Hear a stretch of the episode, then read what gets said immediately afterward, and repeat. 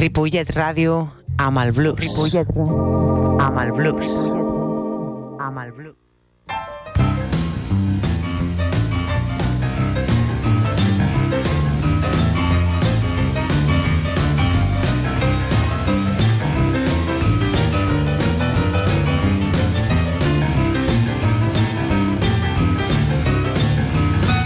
Molt bona tarda, benvinguts. Això és Blues Barrel House. Transmitint en directe des de Ripollet Ràdio al 91.3 de la freqüència modulada. El meu nom és David Giorcelli, com sempre tot un plaer, i al control de so tornem a, a tenir, a tindre el senyor Jordi Puy.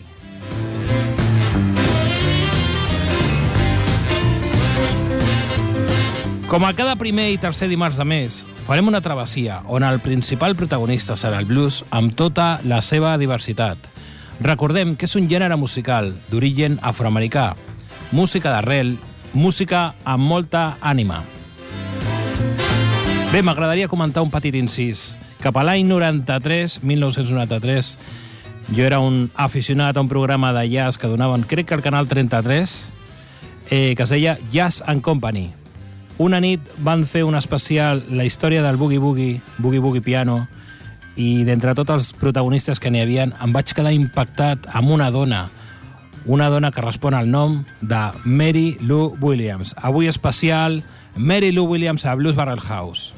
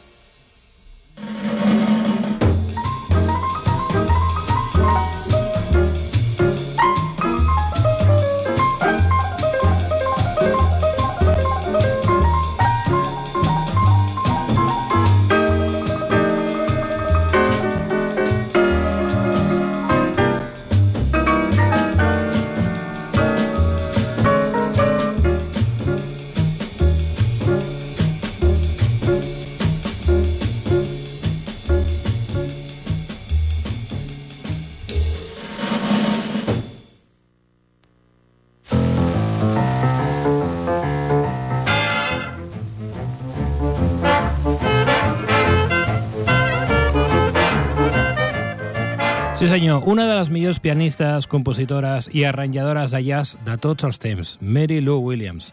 Va ser una icona del swing, del bebop i també del boogie-boogie. The Lady Who Swings the Band també es va dedicar a ajudar els músics necessitats i ensenyar a les generacions més joves la rica herència afroamericana del jazz. Avui, com dèiem, especial Mary Lou Williams. Abans hem escoltat el tema My Blue Heaven, de fons tindrem avui Little You from Chicago, la versió que va fer amb l'orquestra del senyor Andy Kirk. Entrem en matèria. Mary Lou Williams va néixer Mary Elfrida Scruggs, Atlanta, Georgia, un 8 de maig de 1910. El seu pare va abandonar la família poc després de néixer i la seva mare, Virginia Wynne, es va casar amb el padrastre de Williams, Fletcher Barley. Quan Williams tenia 4 anys, la seva mare i el seu padrastre van traslladar la família a Pittsburgh, Pensilvània. Va ser cap a aquesta edat que la mare de Williams li va ensenyar a tocar el piano. Williams va destacar en l'instrument i va aprendre a tocar ragtime, boogie-boogie i blues, així com els estils populars i clàssics. El seu oncle i el seu avi la van pagar per tocar les seves cançons preferides i els amics de la família van convidar a la jove Mary Lou a actuar a les seves festes. Anem a escoltar el tema Baby Beer Boogie, un directe gravat al Rick's Café. Bé, hem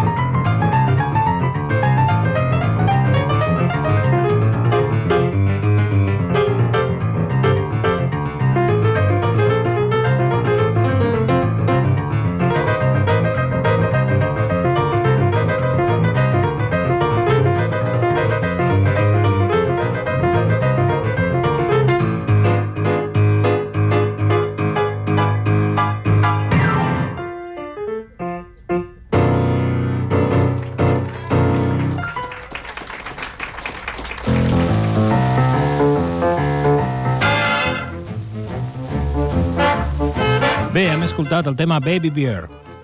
Parlem de Mary Lou Williams. Les famílies blanques properes, parlem de quan es va traslladar a Pittsburgh, s'havien molestat quan la família afroamericana de Williams es va traslladar al seu barri de East Liberty i van assetjar Williams i els seus pares, fins i tot llançant maons a casa seva. Quan van descobrir els notables talents de Williams al piano, l'assetjament va acabar. Williams va donar concerts privats per a famílies blanques, pels veïns, a Pittsburgh, cosa que li va donar el sobrenom de la nena del piano de East Liberty. Anem a escoltar un clàssic amb arrels de New Orleans, tema que es diu St. James Infirmary.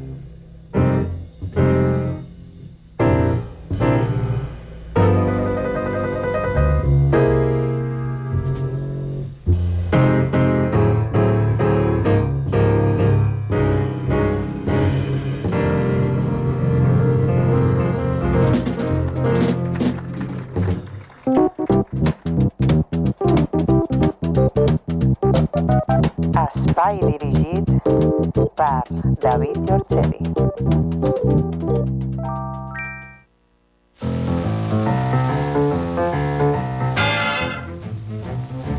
Molt bé, hem escoltat Sant James Infirmari. Aquesta és una cançó de blues americana, un estàndard del jazz d'orient uh, incert. Va agafar fama a partir de la gravació de l'any 1928 de Louis Armstrong. En aquesta s'acredita a Don Redman com el seu compositor, encara que en edicions posteriors es va atribuir a Joe Primrose, pseudònim de Irving Mills. Bé, era un tema interpretat per la nostra protagonista d'avui, la Mary Lou Williams. Aquesta va estudiar música a la Westinghouse Junior High School de Pittsburgh i va escoltar sense parar els enregistraments dels famosos músics de jazz, Jelly Roll Morton, El Hines i Fats Waller, que van influir molt en el seu so. Quan tenia 15 anys, Williams havia sortit a la carretera amb una petita banda que acompanyava un acte de vodevil. Williams es va trobar amb l'hostilitat dels directius i companys músics que no volien que una dona actués a la banda.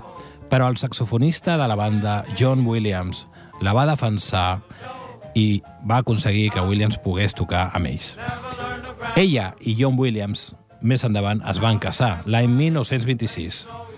El 1928 vivien a Kansas City, on John era membre de la Dark Clouds of Joy Orchestra i Williams va construir la seva reputació local com a pianista tocant amb grans del jazz, com Jan T. Garden o Art Tatum. Anem a escoltar un altre tema d'aquesta gran dama. Escoltem un directe gravat a Londres, un tema que es diu Perdido.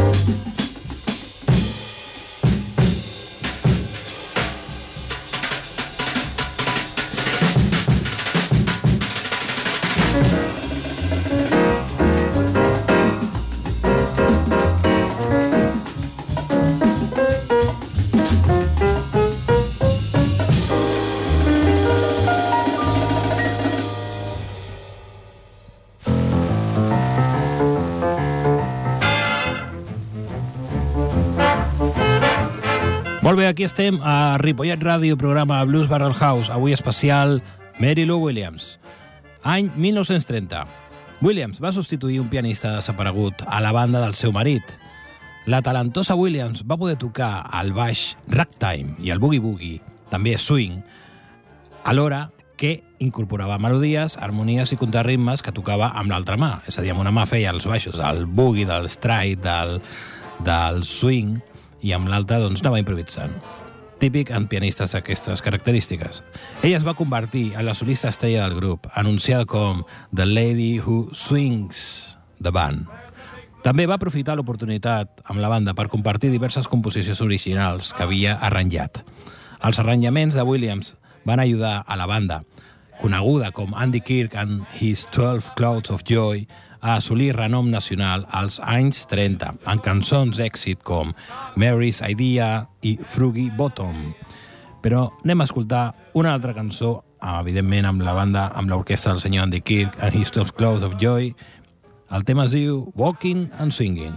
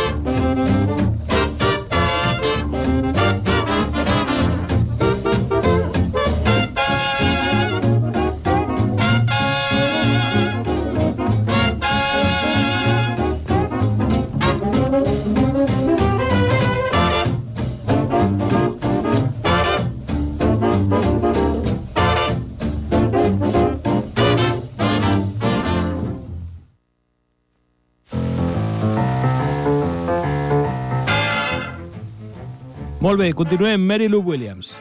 Ella era coneguda per les harmonies creatives aconseguides mitjançant el contrast de seccions d'orquestra i la combinació d'instruments en agrupacions úniques.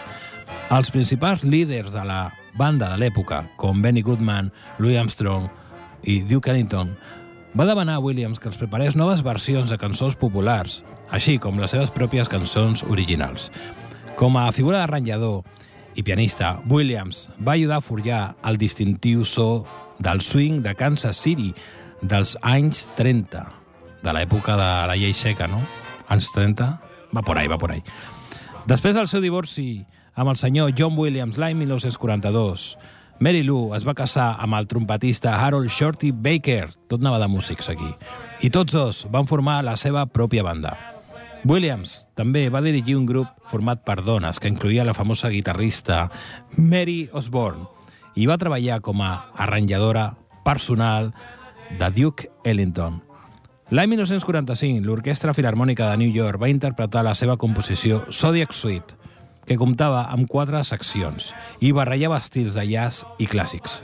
Williams va ser un membre influent del moviment bebop del jazz a la dècada de 1940, coneguda per integrar innovacions com el tempo ràpid, la improvisació i les harmonies complexes, a l'estil swing, i per ser mentor d'icones del bop com Dizzy Gillespie, Charlie Parker o Thelonious Monk, entre d'altres. Anem a escoltar el treball Zodiac, una peça amb nom Aries.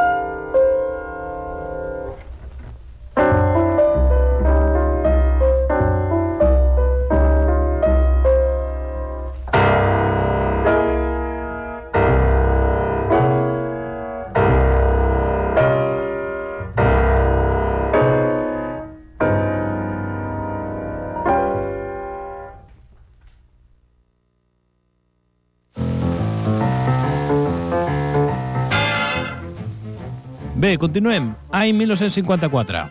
Mary Lou Williams estava esgotada físicament i mentalment i va deixar d'actuar. En canvi, va perseguir esforços religiosos i caritatius, convertint-se al catolicisme i cuidant músics que patien addiccions i malalties. Fins i tot va oferir el seu apartament com a casa de descans per a aquells que ho necessitaven. Persuadida pel clergat que la seva feina al jazz era la seva manera de servir a Déu i animada pel seu amic Gillespie, Williams va tornar a actuar al 1957. Es va convertir en una de les principals defensores del jazz, dedicada a educar els joves afroamericans sobre la seva herència musical. Va aparèixer a molts programes de ràdio i televisió, com ara The Today Show i Mr. El barri de Rogers. L'any 1970 va gravar The History of Jazz, un àlbum mixt de música i destinat a educar els oients sobre l'evolució del jazz. També va distribuir l'Arbre del Jazz, una il·lustració que representava la història de la música afroamericana, des del swing contemporani i el bebop fins als espirituals abans de la guerra. Era molt important per a Williams l'herència afroamericana del jazz. Anem a escoltar el tema What's Your History, Morning Glory. Sí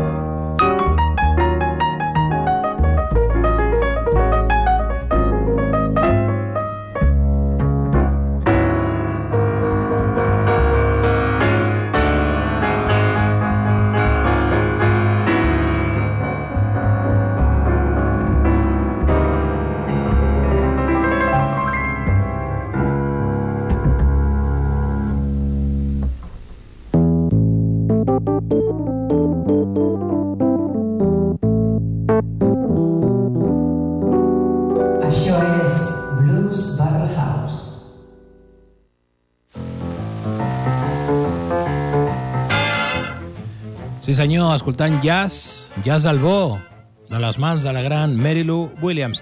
Bé, acte petit promocional, ja sabeu que si no ho faig jo no ho farà ningú, llavors ho faig jo.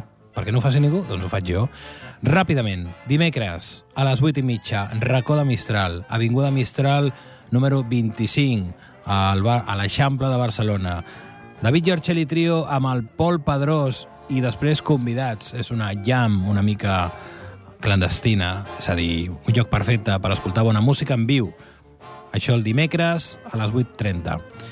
El divendres, Wax and Boogie, en format a trio, a les 9, on? Eh, al centre cívic Alcoi La Bruguera. Ho busqueu al Google. a partir de les 9, Wax and Boogie en format a trio. I un concert ben xulo que us recomano a tots. Bueno, us recomano dos. Dissabte, a les 12 del migdia, a la Sadeta de Gràcia, David Giorcelli Trio, featuring Stairwax. Això promet. Quina millor forma de fer un vermut al migdia que al barri de Gràcia, la Sadeta. I per la nit, a les nits d'Esternàlia, a Mas Rebatllat. Tot molt recomanable. Música en viu. I si voleu més música en viu, recomano que entreu al Facebook del senyor Lluís Souto o a la pàgina web de la Societat de Blues de Barcelona o a la Hora del Blues i trobareu tota la bona música que tenim a Barcelona cada setmana. Ok, continuem. Avui especial Mary Lou Williams. Bé, seguint el fil de, lo que comentàvem abans d'aquesta artista afroamericana, una nit de l'any 1954, en un club nocturn de París, que es deia El Bouffe sur le Toit, la pianista de jazz Mary Lou Williams va aturar el concert. Es va aixecar sense acabar, sense acabar de tocar i va sortir de l'escenari. Després de 41 anys ininterromputs de carrera musical, aquest va ser el moment en què va decidir que ja havia donat prou i va voler passar del playing al praying, com va confessar temps després en una entrevista per la revista People l'any 1980. Dies abans, Williams havia tingut una visió religiosa en un jardí francès. Va sentir un desig fervent d'acostar-se a Déu i deixar el piano, els diners i tota la resta. Afortunadament, com havíem comentat abans, cap a l'any 57 i eh, de la mà del seu amic Dizzy Gillespie va tornar pel bé del jazz i del blues i del boogie-boogie. Anem a escoltar el tema que es diu I Met You Love Paris. Durant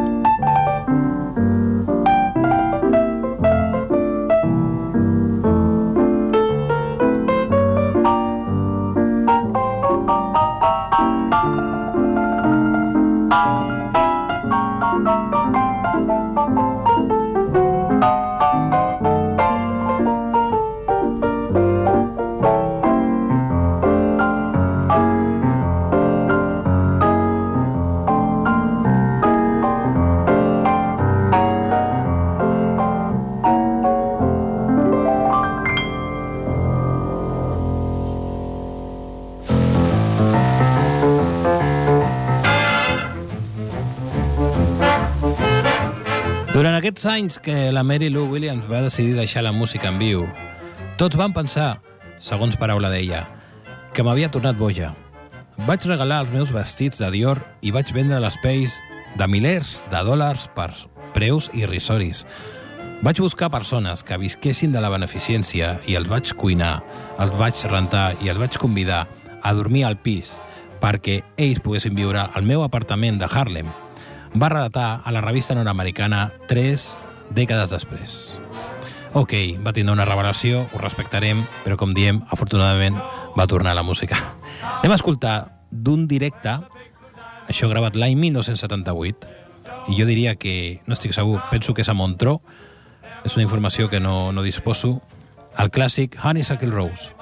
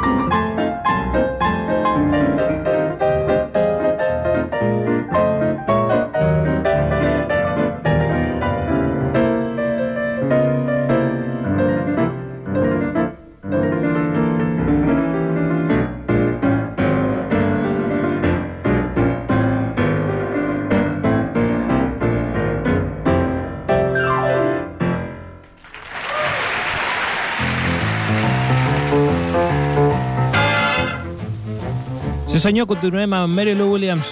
Viatgem una mica enrere. Després del seu divorci l'any 1942, el seu retorn a Nova York va ser triomfal. En poc temps es va convertir en la principal estrella del cafè Society.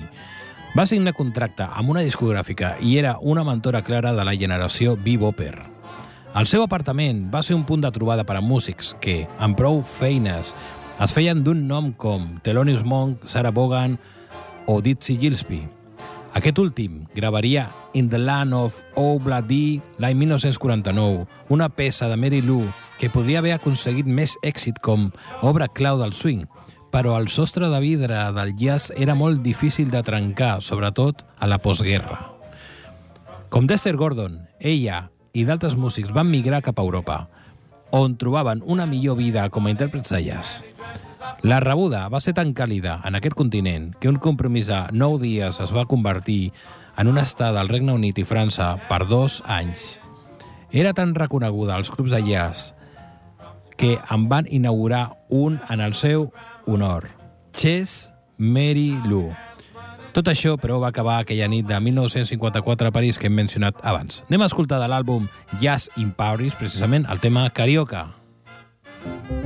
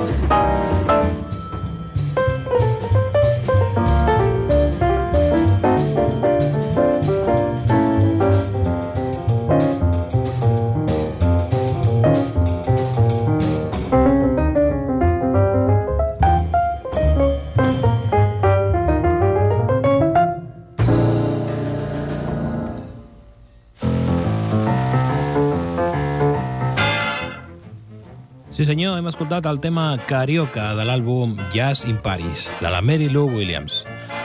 Els mesos anteriors a la nit que va decidir abandonar l'escenari del club a París, els va passar immers en una depressió que creixia constantment. A més, que es va veure embolicada amb problemes de deutes.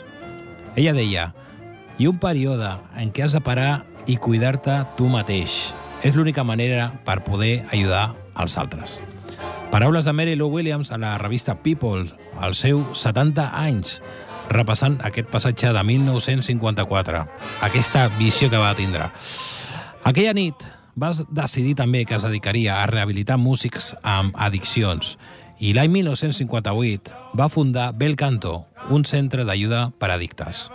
Anem a escoltar un tema que realment em posa la pell de gallina de la Mary Lou Williams. Rolem. Right.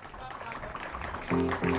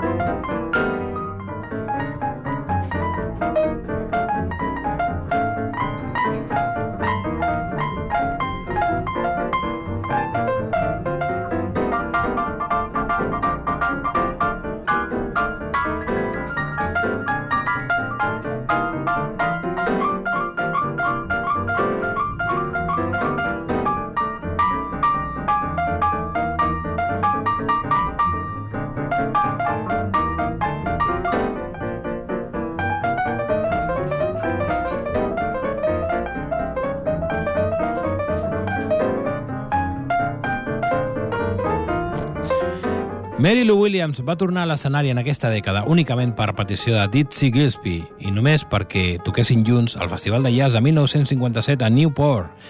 Encara que als seus inicis el seu fort havia estat el swing i el bob, en realitat la seva passió estava a la música gospel i espiritual.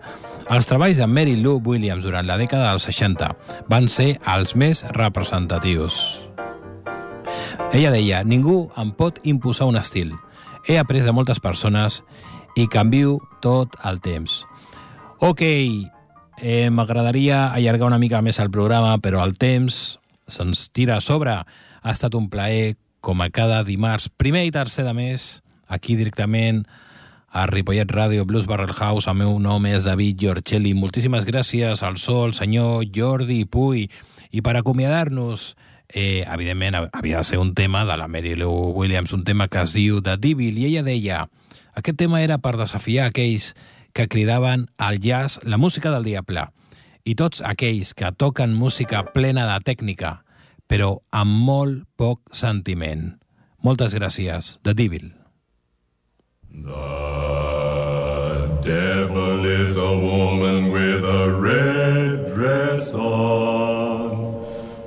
gleam that flits across her wing.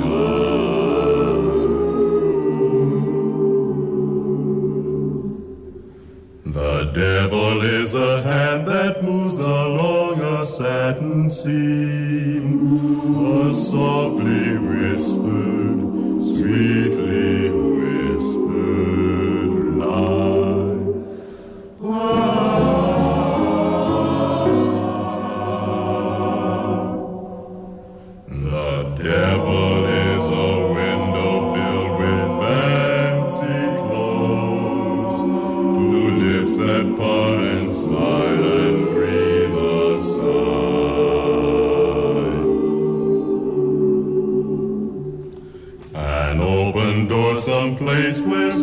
that shouldn't go, there goes. A word that touched a